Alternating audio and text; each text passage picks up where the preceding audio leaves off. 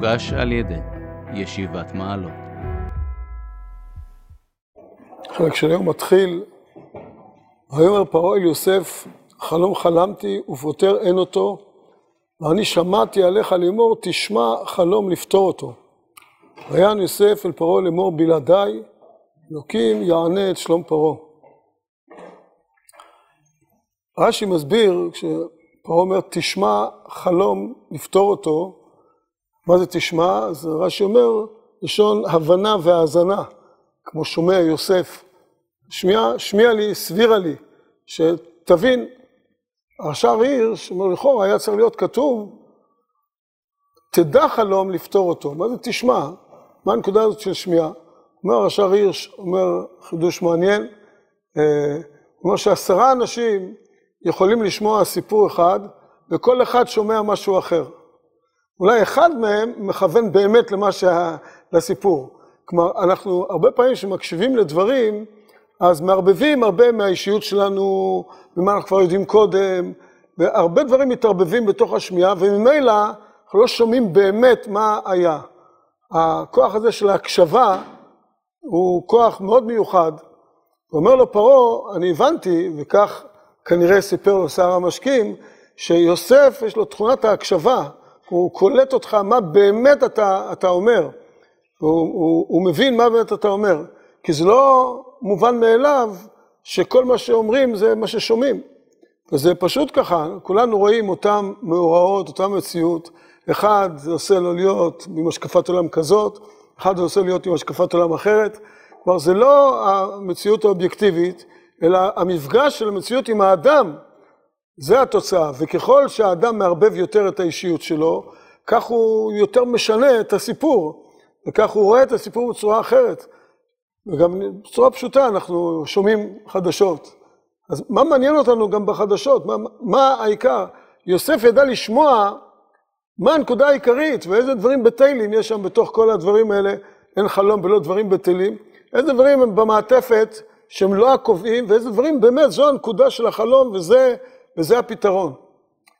ואז יוסף גם עונה לו, אחרי שהוא אומר, תשמע חלום, אני רואה שאתה, יש לך תכונת ההקשבה, אתה, אתה במובן הזה שאתה באמת שומע את מה שיש, לא במובן של מבין, אלא שומע באמת את הסיפור, תשמע, זה עובר לאוזניים ועובר בצורה נכונה, ויוסף אומר, גם מוסיף, אולי זה הפירוש, עוד נקודה, יוסף אומר לו, בלעדיי, באמת אני לא מכניס את עצמי לשום דבר, בלעדיי, זה לא, לא קשור אליי בכלל, באמת בלעדיי, אלוקים יענה. את שלום פרעה, זה כבר נקודה אחרת, אלוקים יענה, בלעדיי, אני לא, אני לא קשור לעניין, ולא מוסיף לעצמי ולא רוצה לעצמי, בלעדיי. ונקודה, נראה שיש כאן נקודה מאוד חשובה במפגש הזה של יוסף ופרעה, כלומר באמת לדעת איך להקשיב, איך לראות דברים, ועד כמה אנחנו מערבבים את עצמנו, את הרצונות שלנו, את התאוות, וכל מיני דברי רקע שיש לנו, ועד כמה אנחנו נוגעים בסיפור עצמו. יכול להיות, יוסף לימד אותנו סיסמה לפני כן, שיוסף אומר ליעקב, אומר הנני, סיסמה, יוסף אומר הנני, אולי צריך להוסיף עוד סיסמה, בלעדיי.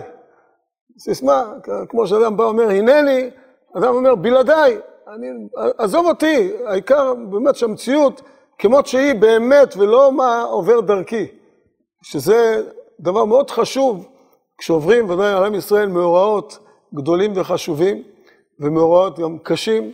מאוד חשוב לדעת לברר, וזה לא קל, לברר מה עיקר ומה באמת קורה ואיזה דברים הם נלווים והם לא הנקודה. הרבה אנחנו אפילו נטפלים לפעמים לדברים השוליים והצדדיים, והם תופסים לנו את העניין, ופחות הנקודה האמיתית, מה באמת מתרחש עכשיו, ואיפה ההתרחשות, ומה באמת קורה, שזו נקודה שמאוד חשובה, בלי לערבב באמת שום דבר מעצמנו בעניין, והכל לחשוב באמת רק על ה... אז גם הבלעדיי, ככה כסיסמה, בלעדיי, שממש להיות נתונים בתוך כלל ישראל, בתוך המציאות של כלל ישראל, לחוש את התחושות האמיתיות שכלל ישראל אה, מרגיש ברגעים, בשעות, בימים, בחודשים הללו, ולחיות את המציאות האלוקית בלעדיי, בעזרת השם.